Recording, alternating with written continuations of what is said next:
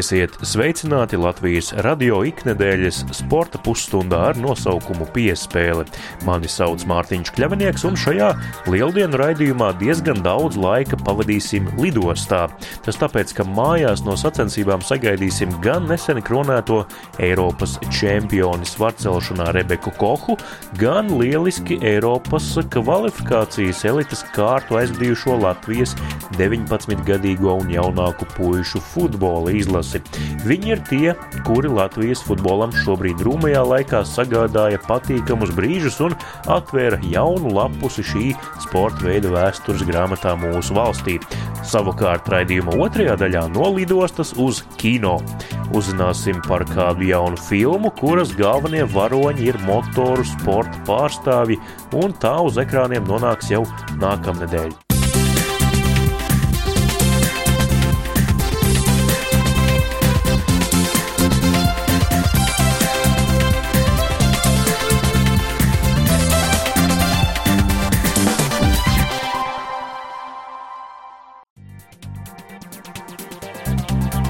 Trenera Aleksandra Basova vadītā Latvijas 19-gadīgo un jaunāku puišu futbola izlase šonadēļ savā Eiropas čempionāta elites kvalifikācijas grupā finišēja otrajā vietā soli no fināla turnīra.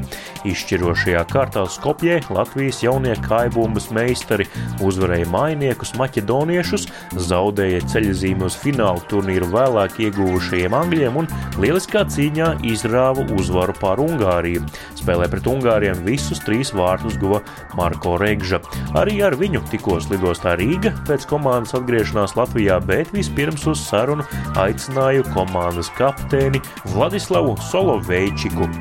Tu kā komandas kapteinis, ko tu vari teikt par savu komandu? Cik tā ir vienota un cik saliedēta? Es gribu teikt, ka komanda ir ļoti vienota. Mēs esam visi kā viens kopējais kolektīvs. kolektīvs jā, jo arī gribu visiem pateikt paldies, jo visi cīnījās katrā spēlē no pirmās līdz pēdējās minūtes. Un arī treneriem paldies. Viss izgāja tā, ka varēja vispār labāk. Nu, labāk nevar. Ja tikai apspēlēt Angliju, bet nu, tas nu, pagaidām tas nav reāli. Man liekas. Bija kaut kāda iespēja aizķerties Anglijas spēlē, vai tomēr nekādu variantu? Varbūt pirmajā taimā varbūt bija 55 futbols, bet pēc tam varēja redzēt, ka viņi ir labāk visur. Tehnikā, fiz fiziskajā plānā un nu, tā ir Anglija. Es saprotu, ka Marko Reigžu jūs tagad uh, īpaši nesājat uz rokām. Viņš ir īpašs komandas dalībnieks, jo tomēr Hatrika iesit pēdējā spēlē un izvilka uzvaru.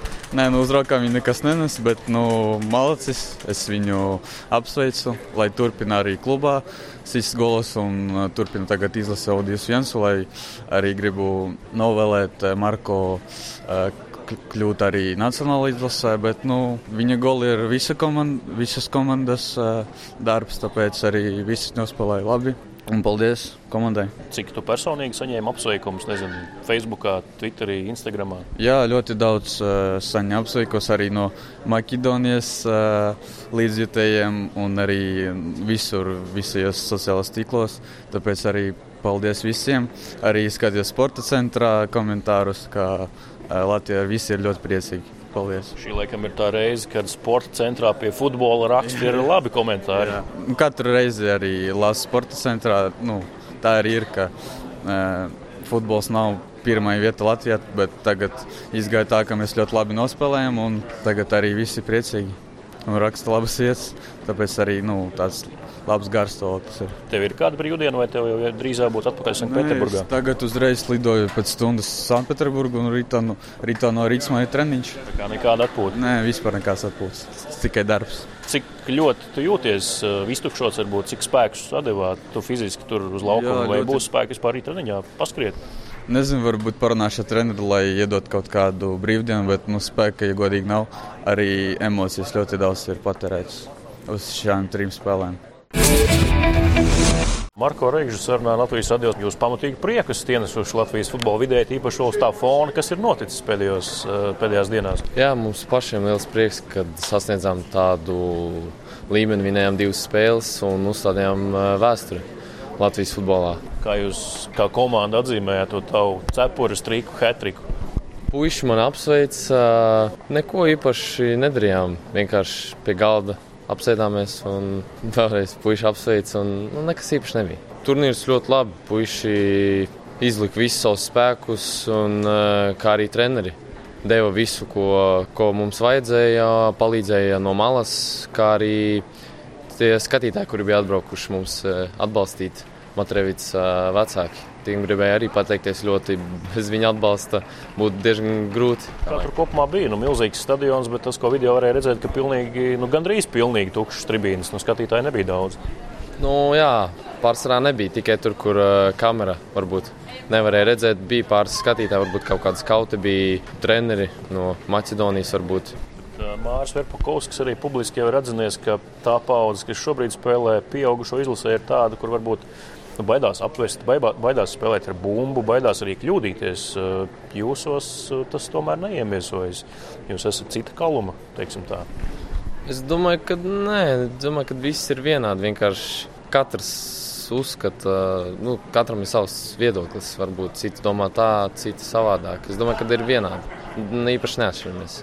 Varbūt nedaudz agresīvāk esam.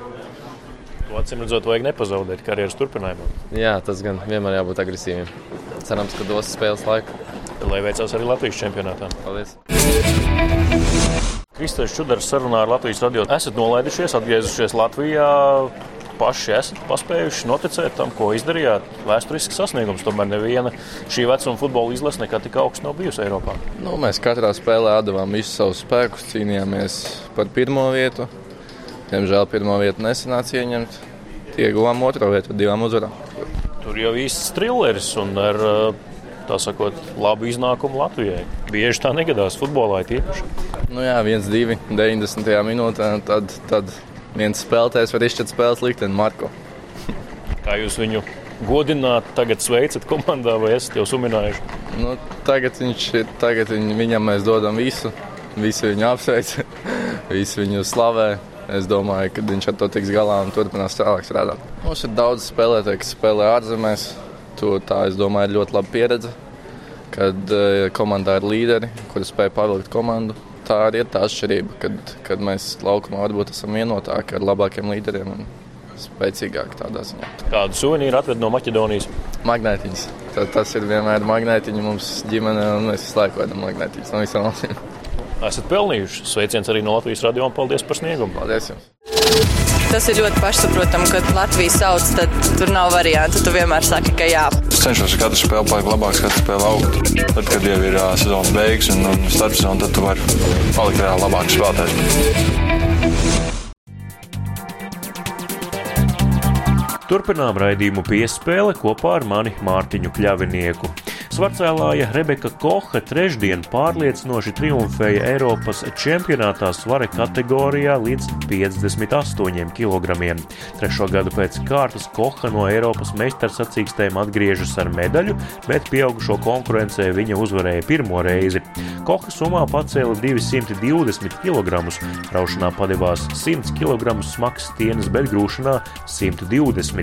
Gan raušanā, gan grūšanā Koha bija pārliecinoši labāka kā sudraba medaļu ar 191 paceltu kilogramu ieguva zviedriete Angelika Rosa, kuras summā no Kohas atpalika par 29 kg. Latviju vēl čempionātā pārstāvēja Ritvars Suharevs, kurš finišēja 4. savā svara kategorijā, un Vadims Koževņikovs. Vēlā piekdienas vakarā devos Rebeku un viņas treneri Viktoru Šķerbatiku sagaidīt Rīgas lidostā. Sveicēju pulks nebija liels, taču ziedus un omu Omulīgu dzeltenu balonu Rebeka gan saņēma. Ziedi saņemt balons arī Rebeka, kā jūties nolaižoties Rīgā? Esmu ļoti priecīga, ka beidzot varu atgriezties mājās, jo gribēju satikt arī ģimeni, jo bija pirms tam arī pavadījuši kādu laiku nometnē. Kāds bija laiks vispār Rumānijā kopumā? Varēja kaut kādu vasaras, vismaz vēsmu izbaudīt vai pavasari? Bija, jā, bija siltāks laiks noteikti nekā Latvijā. Pirmās dienas bija sniegs vēl kad atlidojām, bet pēc tam jau arī uzspiedēja saulīt un bija siltāks. Latvijā nekas siltāks tev lieldienās negaida. Jā, tiešām sniegs atkal uzsnits un augsts.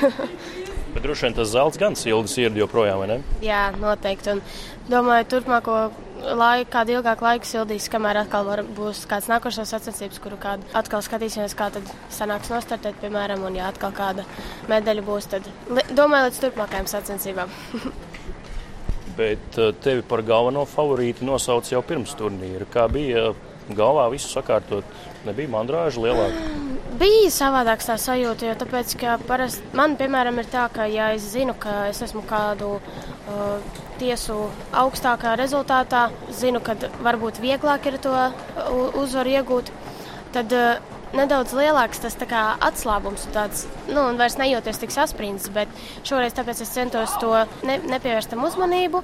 Tāpat uh, noturēju sev grožos, bija ļoti, bija ļoti nopietni gat, uh, koncentrējos, un tad arī tāpēc viss sanāca. Jo parasti, ja es startēju ar kādu, piemēram, pasaules čempionātā ar pieaugušo, kad startēju, bija lielāks tāds tā, tā konkurence. Un, uh, Jā, nu šoreiz Zviedrija atpalika no tevis par 29 kg. Tas ir ļoti daudz.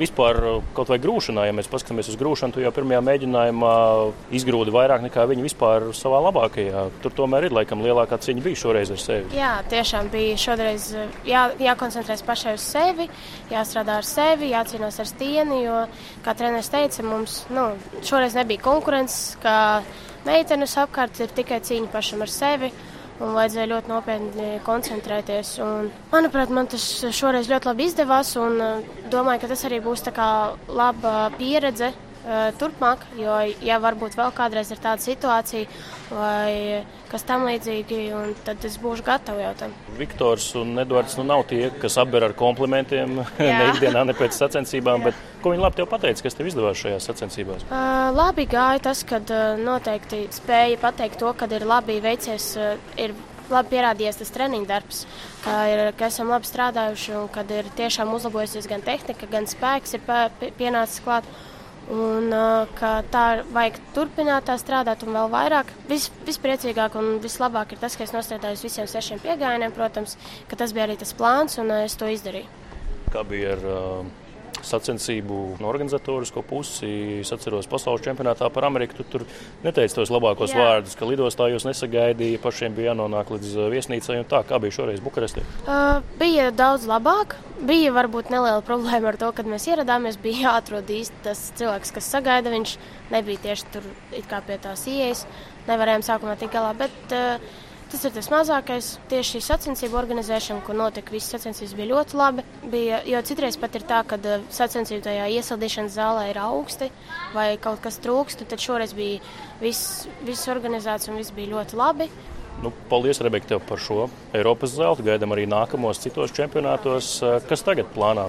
Tev ir vismaz kāda diena, ko atpūsties?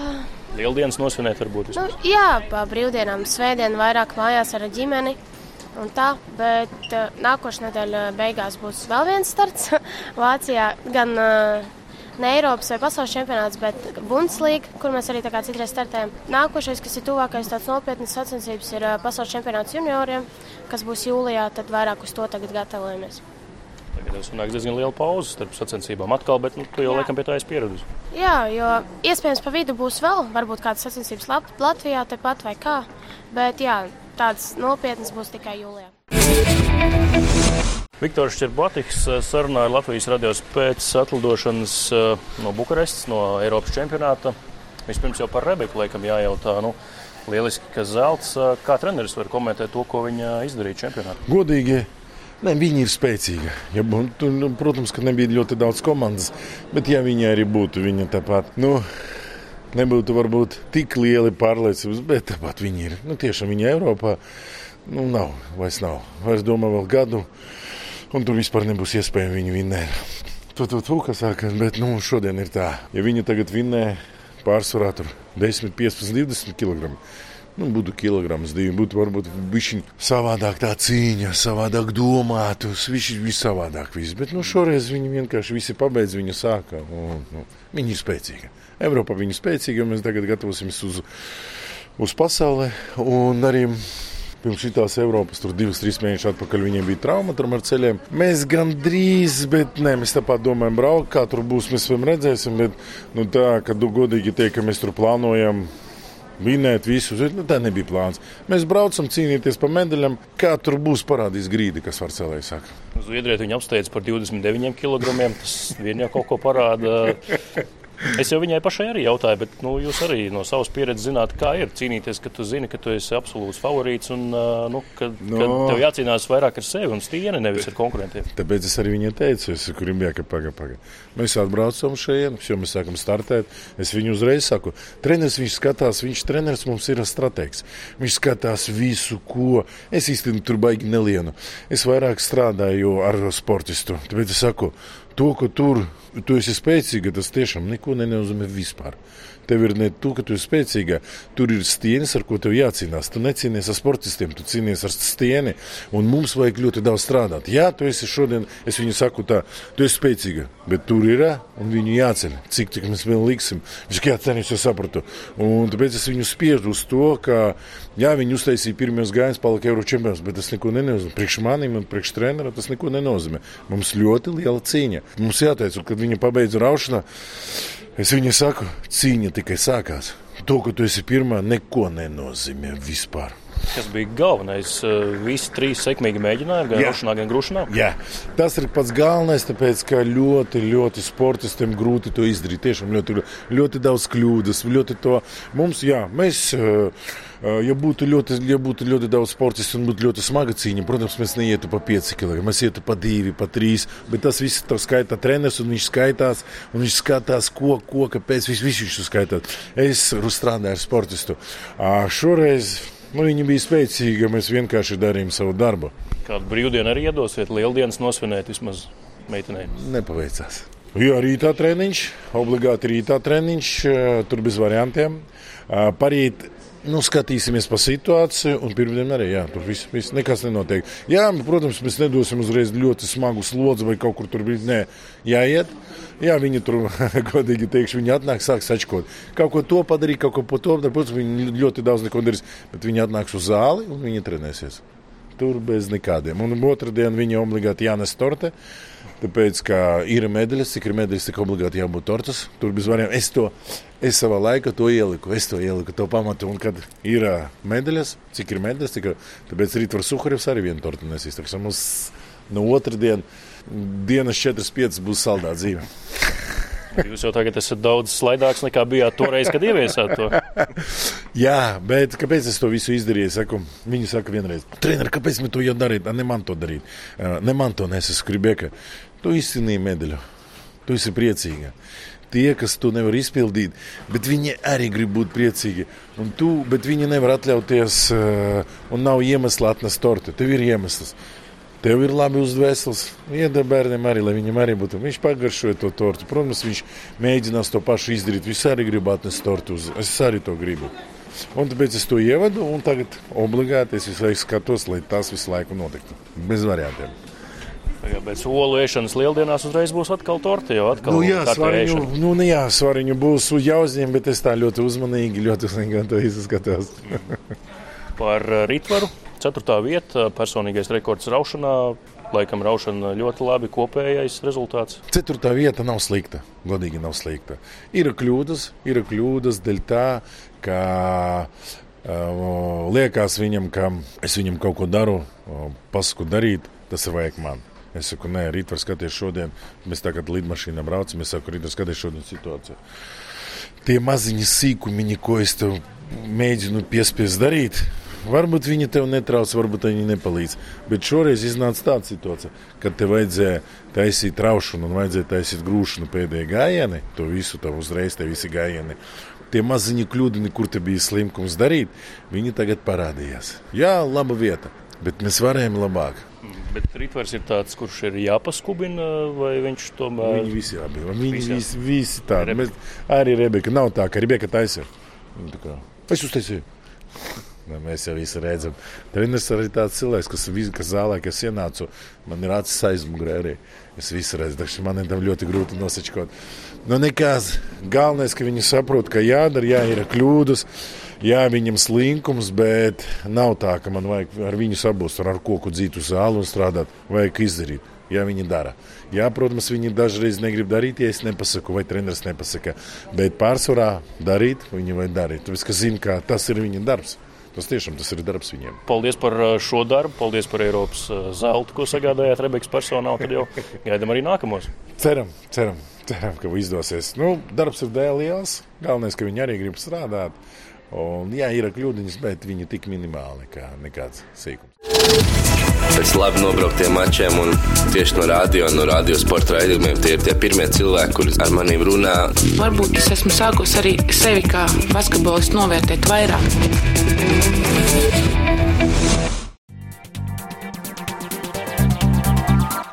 Kinoteātrī Splendid Palace 4. aprīlī notiks dokumentālās filmas Zelta gads pirmizrāde. Filma seko pieciem latviešu automotosportistiem un viņu gaitām 2017. gadā. Paulam Jonasam pasaules motokrosa čempionātā, pasaules rallycrossa čempionāta dalībniekiem Jānim Baumanim un Reinim Nitišam, Konstantīnam Calko, kurš startēja leģendārajās 24 stundu autosacīkstēs Lemānā, un Drift drifta meistaram Kristapam Blušam Amerikas Savienotajās valstīs. Piespēles turpinājumā Initas Kresas Katkovskas sarunā ar filmas Zelta gads idejas autoru un režisoru Ilmāru Līkumu. Šodien redzējumā piespēle viesis ir Ilmārs Līkums. Labdien, Ilmār! Sveiciens! Drīz visiem būs iespējas skatīt dokumentālo filmu Zelta gads. Jūs esat filmas idejas autors, režisors. Jūs uzskatāt, ka jūs vairāk esat tā kā jau šajā statusā vai tomēr uh, sporta žurnālists? Profesionālā priekšvēsture ir tāda, ka es uh, vairāk kā desmit gadus strādāju kā autožurnālists, uh, vadot uh, žurnālu Autobītu Latviju, vēlāk uh, Top Gear, bet uh, Nu, un paralēli mazliet uh, rādio SVH uh, vadīju kopā ar Paulu Timrotu raidījumu Kurbulis. Uh, Arī šobrīd uh, mums ir redzams ātruma cilts. Droši vien, ka tāds ir mans tas galvenais amploā par režisoru. Nu, es vēl nevaru saukt, jo, jo šī ir mana debija uh, kino. Es domāju, ka jums kompliments jau ir par to, ka esat uzdrīkstējušies, jo parasti ir tā, ka tie slavenie sportisti ja viņi vēl sporto un tad uzņemt gan filmu, gan rakstīt grāmatas par to, Tā ir aktualitāte, un tā ir arī liela uzdrīkstēšanās, ieskaitot to, ka ir uh, finanšu līdzekļi nepieciešami, lai braukt līdzi, lai filmētu. Nerunājot nemaz par to, kā pēc tam visu šo milzīgo materiālu noīsināt, kas ir gandrīz viss sarežģītāk. Varbūt par šo pašu ideju, kā tā dzīme, jo šajā filmā galvenie varoņi, kā mēs zinām, ir gan uh, Rēnis Nitišs, gan Jānis Baumanis, gan arī Pauls Jonas un, un kas tik vēl nē, ja? Nu, laikam jāsaka ar to, ka mm, izņemot Paulu Jonasu, visus pārējos filmas varoņus es kaut pavisam mazliet jau pazinu, rakstot par viņiem auto presē, bet es teiktu, ka tāds pirmais impulss, pirmā ierosme nāca tad, kad pagājušā gadā mani kolēģi bija uztaisījuši filmu par pasaules rallycross čempionātu pirmā posma rīkošanu Latvijā es pēkšņi sapratu, ka mūsu priekšā izvērš tiešām unikāla situācija, jo, lai gan, lai gan teiksim, aizgājušos 20 gados uh, ir jau bijusi ļoti interesanta un svarīga priekšvēsture, nu, piemēram, Kristers Sēģis ir bijis vairāk kārtais pasaules čempions. Andris Dambis daudz ko ir izdarījis, uh, brāļi Traubergi, piemēram, brāļi Neikšāns savu laiku rallijā. Tieši tik liela pārstāvniecība pasaules čempionāta sacensībās vēl nebija bijusi. Uh, Um, es uzrunāju vienu, uzrunāju otru, un tā mēs nonācām pie plāna, vai pie tāda pusplāna drīzāk. Sezona jau bija krietni ieskrējusies, jūnija beigās sākām braukt un filmēt. Jo ideja bija tāda, ka mēs, uh, mēs sapratām, ka tas, būs, tas prasīs daudz laika un, uh, protams, arī liels līdzekļus, bet uh, mēs gribējām aizbraukt pie katra no sportistiem uz vienu no sacensību posmiem ārzemēs, lai tiešām būtu liecinieki šim, šim norisēm un lai, teiksim, emocijas varētu tvert nepastarpināti. Vai ir arī sarunas ar tiem, kas varētu palīdzēt noturēties eh, šajā pasaules eh, līmenī, jo skaidrs, ka ar rūpnīcas komandām ar viņu atbalstu tikai ir iespējams šis progress? Jā, nu šai lietai ir daudz puses, varētu teikt, ka tā, mm, tā dzīve mm, sporta elitē, es, es gan domāju, tas tāpat attiecas arī uz, uz, piemēram, olimpiskajām disciplīnām, bet tehniskajos sporta veidos jau īpaši, mm, ka tā ir mazliet kā tāda hologramma, kur, kā jau saka, paskatoties no vienas puses, tu redz vienu lietu, paskatoties no otras puses, tu redz vēl kaut ko, bet visas jau tās lietas, veiksmi, neveiksmi, izdošanās, tas viss ir turpat blakus, un braucot uz šīm sacensībām, ideja nebija veidot tādu reklāmu filmu, jo nu, pēdējos gados diezgan daudz arī televīzijā ir tapuši tādi materiāli, kas ir, uh, nu, man šķiet, ar tādu uh, spēcīgu patriotismu oderi, kas no vienas puses ir normāli, jo mēs esam jauna valsts un mums gribās pašapliecināties, bet šeit ļoti gribējās būt klāt notikumiem un, un, un, un vēlāk jau tad, lai skatītāji vērtē paši, ko, ko viņi domā par redzēto, bet uh, Varbūt man personīgi viena no interesantākajām lietām bija redzēt, um, kā šie sportisti, jo jāatcerās, ka tie visi ir ļoti jauni cilvēki, viņi kā personības vēl šķiļas, lai saprastu, ka reizēm teiksim, tā, tā, tā komanda ap, ap sportistu ir, ir vēl krietni svarīgāka nekā tas rūpnīcas atbalsts. Neapšaubām tie pirmie un tie tuvākie cilvēki ir ģimene. Vēl negribās atklāt visu, ko filmā varēs redzēt, bet tik tiešām tā ir viena sižeta līnija, kas iezīmējas ārkārtīgi skaidri. Ir šis te tēva dēla duets, teiksim, tā, tāda šīs motorsporta paudzes pamatvienība. Ar to viss sākās un ar to viss var arī beigties. Un, tas, tas, ir tas, tas ir tas pats. Tas ir tas atoms, ap, ap kuru mm -hmm. viss uh, veidojās tālāk. Jā man šķita interesanti, ka uh, šajā filmā ir, ir, ir redzams drifta braucējs Kristaps Blušs uh, un, un viņa, teiksim tā, biznesa partneris uh, Harijs Čupels. Šie divi sportisti, teiksim, jā, no sportisti, jā, viņi ir cita paudzi. Kristaps Blušs pats ir tēvs un tā, un, un viņi pārstāv atkal tādu citu dzīves gājumu. Viņi ir paši visu izdarījuši. Viņi arī paši būvē savus sporta auto. Uh, un, un, un viņa bizness ir saistīts ar šo sporta auto būvēšanu. Tā tāda mozaīka nebija tik, tik viendabīga tādā mm. ziņā. Vai jūs gribētu arī iepazīstināt ar savu komandu, jo skaidrs, ka operatoram arī ir jābūt ļoti zinošam, spējīgam paredzēt, kurā brīdī var iznākt tas labākais kadrs, kur ir jānostājas trasē, lai, lai to visu piefiksētu. Protams, jā, jo, kad mēs sākām darboties, nebija, nebija jau tā, ka no paša sākuma bija tāds simtprocentīgi skaidrs plāns, ka tad mēs brauksim tur un tur un tur, un ka viss ir perfekti saplānots, un, teiksim, tad jau, kad process bija ieskrējies, nebūtu nebija tā, ka pilnīgi visam bija, bija, bija finansējums, un arī, teiksim, tas mans, varbūt tas, nu, iesācēja vai tas debitanta status bija tāds, ka faktiski reizēm tie, tas bija kā tāds, Tas bija tāds viegls haoss, ko es vienkārši pieskatīju, kā, kā tas rit uz priekšu. Bet uh, mans kolēģis, uh, operators, ir Jānis Sārms. Mēs ar viņu esam pazīstami strādājot uh, uh, ap, teiksim tā, uh, ap raidījumu zebra, ap raidījumu ātrumu cilts. Uh, mums ir bijuši uh, agrāk ar viņu sadarbība autopresē, uh, kad viņš mums fotografēja. Tā kā nu, viņam arī tā bija jauna pieredze. Tas bija tāda nu, mācīšanās, mācīšanās gaitā, bet nu, šobrīd man gribētos teikt, ka es vēl šorīt to filmu skatījos. Es domāju, ka nu, ir labi. Mm -hmm. ir labi jā. Un montāžas režisors ir, ir Kristaps, atvainojos, Oskars Miķelsons, kurš arī nāk no šīs zebras, ja tā var teikt, komandas. Mēs, sakot, mēs esam tādi cīņu biedri bijuši vairāku gadu garumā, varbūt mums nav iepriekš bijusi uh, tik cieša sadarbība, tik tāda mētiecīga sadarbība tieši vienā uh, projektā ar konkrētu sākumu un beigām. Uh mhm. -huh. Tātad atgādina, ka redzījumā piespēle viesis ir Ilmārs Līkums, filmas, dokumentālās filmas Zelta gads, idejas autors un režisors, un pirmizrādi ir trešdien, 4. aprīlī, 7. vakarā kinoteātrī Splendid Palace.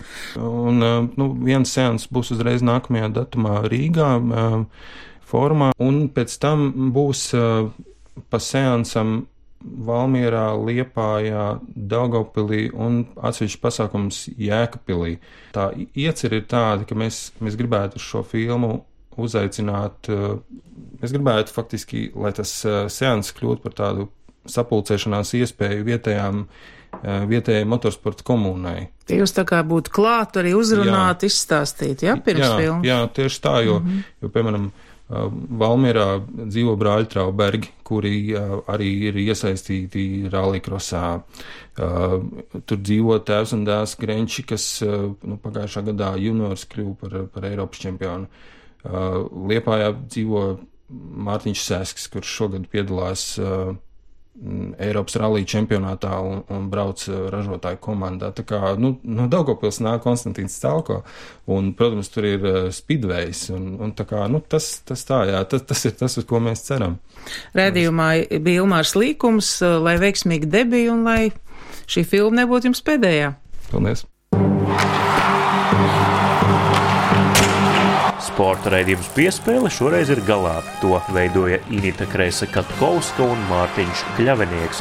Lai jums priecīgas un saulainas lieldienas un tiekamies jau atkal pēc nedēļas uz sadzirdēšanos!